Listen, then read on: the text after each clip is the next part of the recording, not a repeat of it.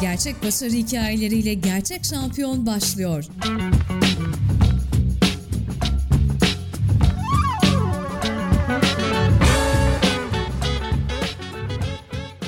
Gerçek Şampiyon'un yeni bölümünden herkese merhaba. Bu bölümde milli eskrimcimiz İrem Karamete'yi konuk ediyoruz. İrem şu anda karşımda. İrem merhaba, hoş geldin. Selamlar. Merhabalar, hoş bulduk.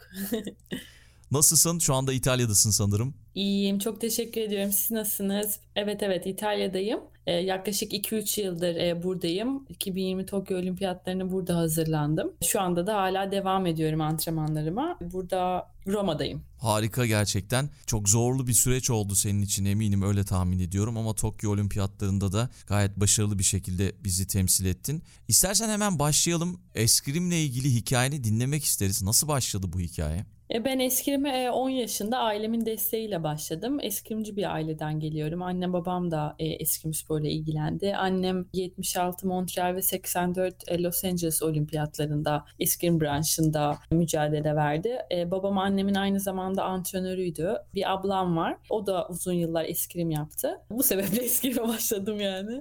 Harika. Küçük yani aileden e, gelen bir durum var. Evet, evet. Küçük yaşta birçok spor yaptım ama kendim en sonunda eskrimde daha çok mutlu hissettiğim için bugünlere kadar geldim. Bir de genetik olarak herhalde bir yetenek de geçiyor diye düşünüyorum. Ve peki şeyi soracağım. Mesela 1984 yılından bu yana olimpiyatlara katılmaya hak kazanan ilk Türk eskrimci oldun 2016 yılında. Evet. Ve sonra yine 2020 olimpiyatlarında bu yıl gerçekleşen Tokyo olimpiyatlarında da bizi başarıyla temsil ettin. Özellikle 2016 yılında yakalamış olduğun o başarıyla açıkçası eskrim sporunda da bir farkındalık yarattın. Yani kendi adıma evet. söyleyeyim ben araştırdım, baktım kuralları nedir. Mesela birçok canlı yayına katıldın. Orada tek tek sporu anlatmak zorunda kaldın. Yani işte evet. kuralları nedir, nasıl oynanır. Evet. Belki biraz bundan bahsetmek istersin diye düşünüyorum ve o olimpiyat duygusundan da bahsedersen bize çok çok sevinirim. Evet, e, yani e, hep söylüyorum her sporcunun olduğu gibi bu kadar hani uzun yıllar antrenman yapan birisi hep en büyük, en tepede olimpiyatları görmek istiyor tabii ki de. Bu benim için bir hayaldi. E, benim yurt dışındaki birçok sporcudan en büyük farkım önümde bir örnek yoktu. Dolayısıyla söylemek istediğim çok fazla hani böyle genellikle İtalya, Fransa'da birçok küçük sporcular var. Onlar hep büyüklerinden görerek örnek ala ala küçük yaşta bu hayallerle bu e, gözlerinin bir somut bir örnek oluyor. Bu benim için yoktu. Dolayısıyla ben bu açımı kapatmak için birçok yurt dışında kamplara ve müsabakalara katıldım. Oradaki dünyayı gördüm. Kendimi hep daha ileriye taşımak için gerçekten elimden gelenin en iyisini yaptım. Bunun en büyük meyvesi 2016 yılında geldi. Ben o zaman 23 yaşındaydım. Hani böyle küçük yaşta sadece olimpiyat hayaliyle büyüdüm desem yalan olur. Beni birazcık yol oraya getirdi. Ben e, çok disiplinli ve istikrarlı bir şekilde antrenmanlarımı hep devam ettirdim ve kendimi en son işte Rio Olimpiyatlarında buldum. Çok çok önemli bir başarıydı benim için gerçekten. Böyle imkansızı başarmış gibi e, hissetmiştim o an. E, çok büyük bir mutluluktu. Sanki böyle yılların ve vermiş olduğu emeğin gerçekten o an karşılığını aldığımı hissettiğim çok tarif edilemez bir duyguydu benim için. İlkler her zaman farklı. 2020 e, Tokyo Olimpiyat eskrimde kot almak gerçekten çok çok zor. Çünkü biz Türkiye olarak Avrupa kıtasından e, temsil ediyoruz ve ferdi olarak ben mücadele veriyorum. Takımım yok. Dolayısıyla çok e, komplike bir şekilde Tokyo Olimpiyatlarına kot almak hatta böyle mucizevi bir şekilde diyebilirim. Evet. Onu da anlatırım ileriki zamanda. Mükemmel bir duyguydu. Yani olimpiyat gerçekten dünyanın en iyi sporcularıyla bir arada olmak tarif edilemez bir şeydi. Yani böyle gerçekten hatırlıyorum mesela Tokyo'da da, da böyle bir gö- açılış töreninde böyle gözlerimi kapatıp yani gerçekten hani başardım ve yaptım bunu o an çok evet. hissederek geçirdim. İnanılmaz bir şey geliyor herhalde orada olmak. Yani evet e, çok farklıydı. Bu kadar e, tabii hep hayal ediyordum. E, çünkü bu kadar yaptığın antrenmanlar her zaman iyi antrenman yapıyorsun her zaman sonuç gelecek diye bir şey yok. Bu biraz risk biraz gerçekten birçok arkadaşım var çok fazla çalışıyor ama e, sonuç elde edemiyor. Ben 2016'dan 2020 olimpiyatına kadar durmadan çalıştım. Büyük bir risk tabii ki de her şey olimpiyat için ama ben hep şuna inanıyorum gerçekten yani oraya ayağını koymak çok kolay bir iş değil. Benim hep her şeyin adım adım gittiğini düşünüyorum. En büyük hedefim gerçekten 2016'da kota almış olsam bile 2020'nin 2016 ile hiçbir alakası yok. Yani tamamen yeni bir sayfa açılıyor orada. Çok zorlu bir yoldu benim için gerçekten. Bir de mesela senin olimpiyatlara 2016'da uzun zaman sonra katılmaya hak kazanan bir Türk eskrimci olarak ben kendi kişisel görüşüm bu bilmiyorum katılır mısın bir yol açtığını düşünüyorum. Ondan sonra eskrimde böyle planlı programlı bir şekilde giderek bir sürü başarı geldi. Altın Evet. madalyalar işte yani tarihimizde ilk defa olan Avrupa şampiyonlukları, dünya şampiyonlukları Evet. falan geldi. Evet. Bunda bence senin çok büyük bir etkin var diye düşünüyorum.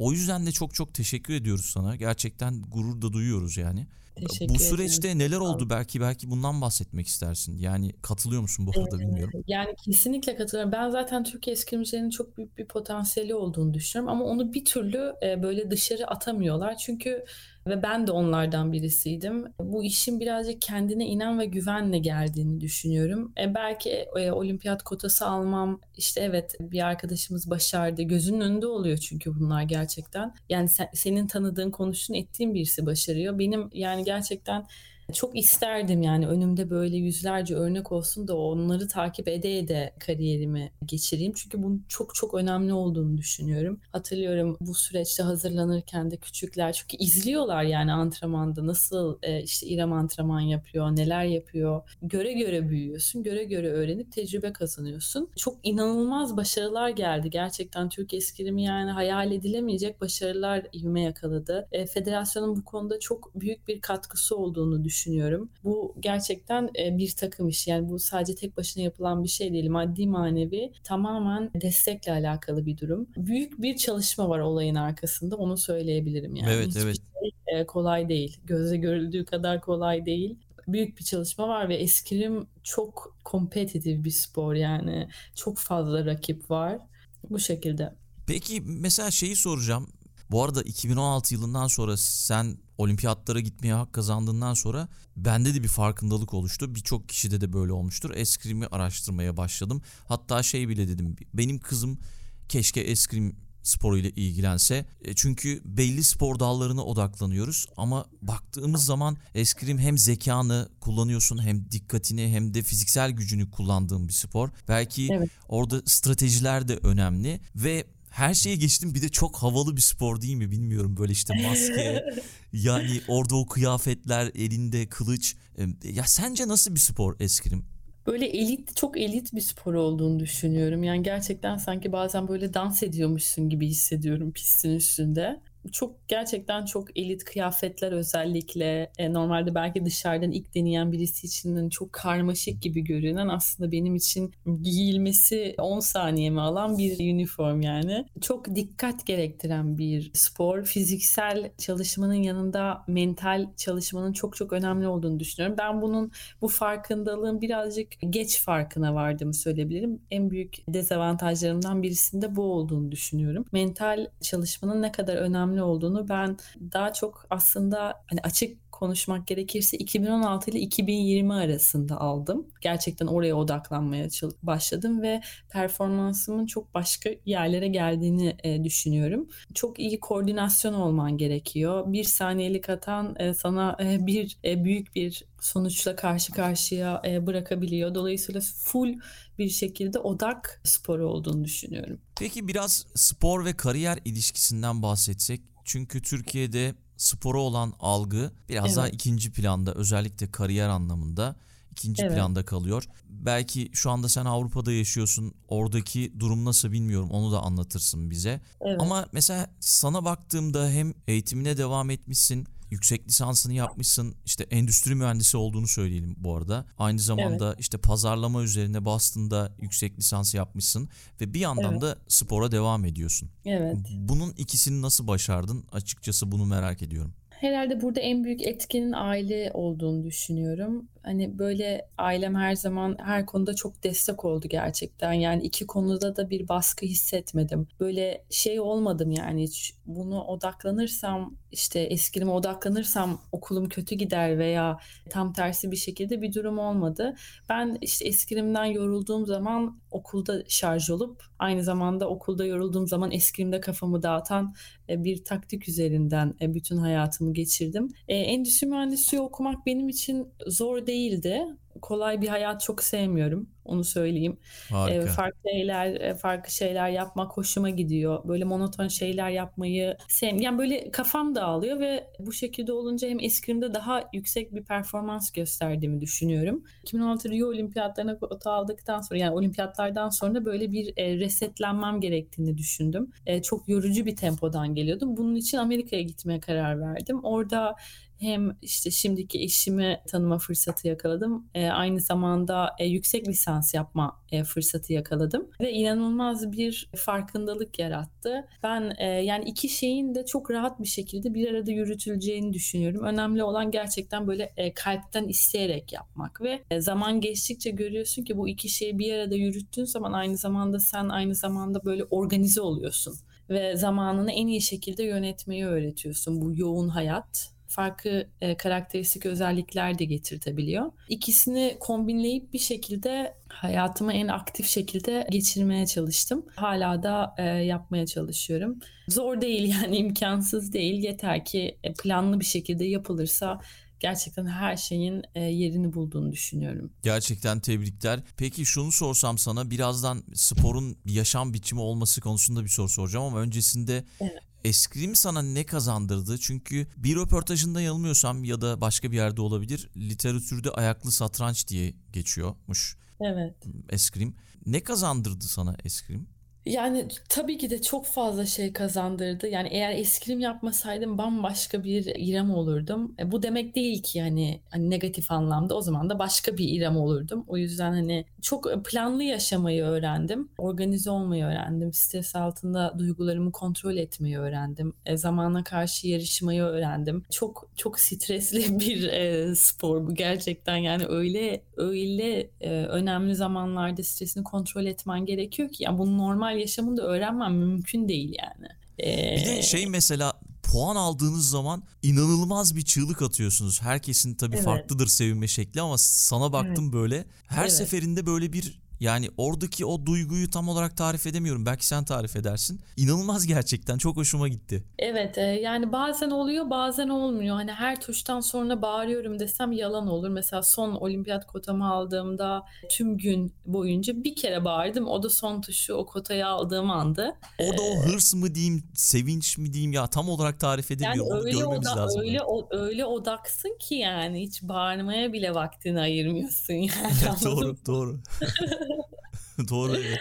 O da ama taktiklerden birisi. Çok stresli olduğun zaman bağırmak o an şarj olmanı sağlıyor yani o yüzden. E... Peki karşı tarafın moralini bozmak gibi bir durum var mı? Çünkü karşı tarafın yüz mimiklerini görmüyorsun ya maskeden dolayı. Evet, Öyle evet. bir taktik de belki olabilir. Doğru söylüyorsun evet. Karşı tarafın aslında maskeden yüzünü görüyorsun eskrimci olarak. Ben görüyorum yani o şeylerin arasından. E, yani rakibin puan... yüzüne bağıramazsın. Rakibin yüzüne bağıramazsın. Ya arkanı dönmen gerekiyor hani böyle nasıl denir? Böyle yüzüne bağıramazsın yani yüzüne bağırdığından kart alıyorsun ama o an zaten o şekilde bir durum olmuyor. Hatta yani şey doğada en sonki müsabakada e, bir kere bağırdım e, pool'de ilk gün işte hakem hemen işte Covid'den dolayı maske olmadığı için maskeyi çıkartıp bağırdım. Lütfen bağırmayın bağırmak yasak diyordu ama yani hani hatta gülmüştük yani nasıl bağırdım çünkü o kontrol ettiğim bir duygu değil yani o kadar stresin altında. Doğru evet istemsizce çıkan bir durum yani. Evet.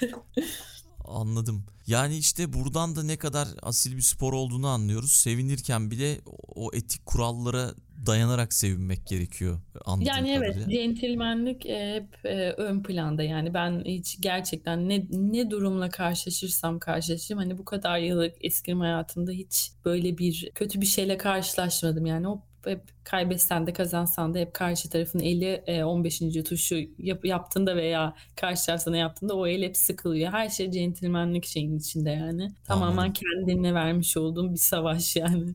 Anladım. Peki mesela sen de şimdi yurt dışında yaşıyorsun son 4-5 yıldır işte Amerika'yı gördün, İtalya'yı Evet. gördün. Türkiye'deki spor anlayışıyla Avrupa'da ve Amerika'daki spor anlayışını sormak istiyorum sana. Çünkü Evet. oralarda biraz daha bilmiyorum İtalya nasıl ama Almanya tarafı için söyleyebilirim. Spor burada bir yaşam biçimi haline gelmiş. Türkiye'de de böyle değil maalesef. Son yıllarda biraz ilerleme kaydettik ama Türkiye'de sporun bir yaşam biçimi olması için neler yapmak gerekiyor? Senin bu konuda tespitlerin var mı? Farklı ülkeleri görmüş biri olarak hem de bir profesyonel sporcu olarak. Evet yani eskrim sayesinde tabii ki de çok fazla yurt dışına çıkma e, fırsatı yakaladım ama Amerika ve İtalya deneyimi benim için hani ilk defa müsabaka için değil de gerçekten oranın yaşam tarzını anlama amacıyla e, yaşadığım için orada e, tabii olayları daha farklı e, gözlemleme fırsatı yakaladım. Türkiye'de son zamanlarda spor gerçekten çok çok geliştiğini düşünüyorum. Yani farklı noktalara geldi. Gözle görülebilir bir e, değişiklik var. Ama evet mesela hani şimdi burada buradaki kendimden örnek verirsem İtalya'da gerçekten bir yaşam tarzı. Burada en büyük yani şu an mesela antrenman yaptığım yerde bile burada tabii asker maaşı taktiği var diyeyim ben. İnsanlar e, geçim derdi, yaşama stresine girmiyor. Evet. Çoğu burada asker, sporcular asker altında. Dolayısıyla sporu bitirdikten sonra bile bir ofiste çalışabiliyor ve normal bir e, işte çalışsa bile aynı maaşı alacak şekilde hayatının sonuna kadar bu maaşa geçemiyor. Bu önemli bir şey. Niye? Çünkü mesela Türkiye'deki çoğu kişi sporu bırakıyor çünkü bu bir geçim kaynağı değil. Spor yaparak hayatlarını geçindiremezsin ama İtalya'da geçindirebilirsin rahat bir şekilde yani. Doğru. Dolayısıyla şu an antrenman yaptığım yerde bile yani iş işi yani bu antrenmana gelirken o işe gidiyor aslında sabah. Burada yaptığım kulüpte antrenman 9'da başlıyor, öğlen 2 gibi bitiyor. Yani gerçekten ve bu rekabet bir ortamı oluşturuyor. Ve bu rekabet ortamının da büyük bir başarı getirdiğini ben düşünüyorum. Çünkü herkes birbirini geçmeye çalışıyor veya o askerin içinde, e, o asker sistemin içinde durması için gerçekten başarılı olman lazım. Ve bu sürekli e, sporcuyu, yurt dışındaki sporcuları bence motive ettiğini düşünüyorum. Çünkü hemen çünkü rekabet o kadar yüksek ki burada ki ikinci olma şansın yok yani eğer bence yani İtalya'da yani ikinci olursan bir önemi yok yani orada burada. E, Doğru kimse ki- hatırlamıyor. O kadar şampiyon var ki ikincileri hatırlamıyorlar burada bence yani. İtalya'da zaten eskrimde dünyanın en iyilerinden biri yanılmıyorsam değil mi? Bir de Ukrayna var herhalde. Evet yani İtalya bence eskrimin hatta bence en iyi ülkesi diyebilirim. Yani gerçekten çok farklı bir kültür burada. Yani bir İtalya şampiyonası yapıldı şeyde e, şehrin göbeğinde yani final herkes izliyor. Yani bambaşka bir atmosfer. Çok hissederek ve yaşayarak hakkını vererek e, yapıldığını düşünüyorum. Ve büyük bir emek. Yani görüyorum burada yaptığım kulüpte de küçük çocuklar nasıl antrenman yani gerçekten o sistemle büyüyor. Yani Hatta bir iki hafta önce bir çocuk gördüm. Bir ders alıyor 10 yaşında. Yani çocuktaki koordinasyon yani böyle bir şey yok.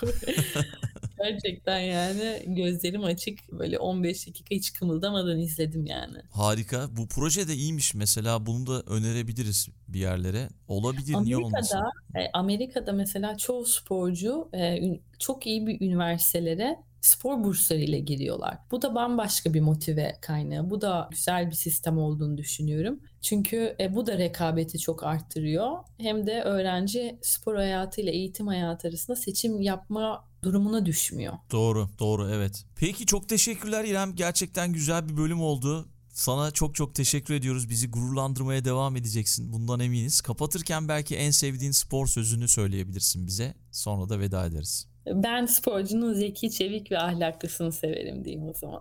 Harika. Bunun üstüne bir şey denmez herhalde. Peki. Çok teşekkürler. ben teşekkür ediyorum. Çok keyifli bir yayında. Teşekkür ediyorum tekrardan. Dinlediğiniz için teşekkürler. Gerçek şampiyon sona erdi.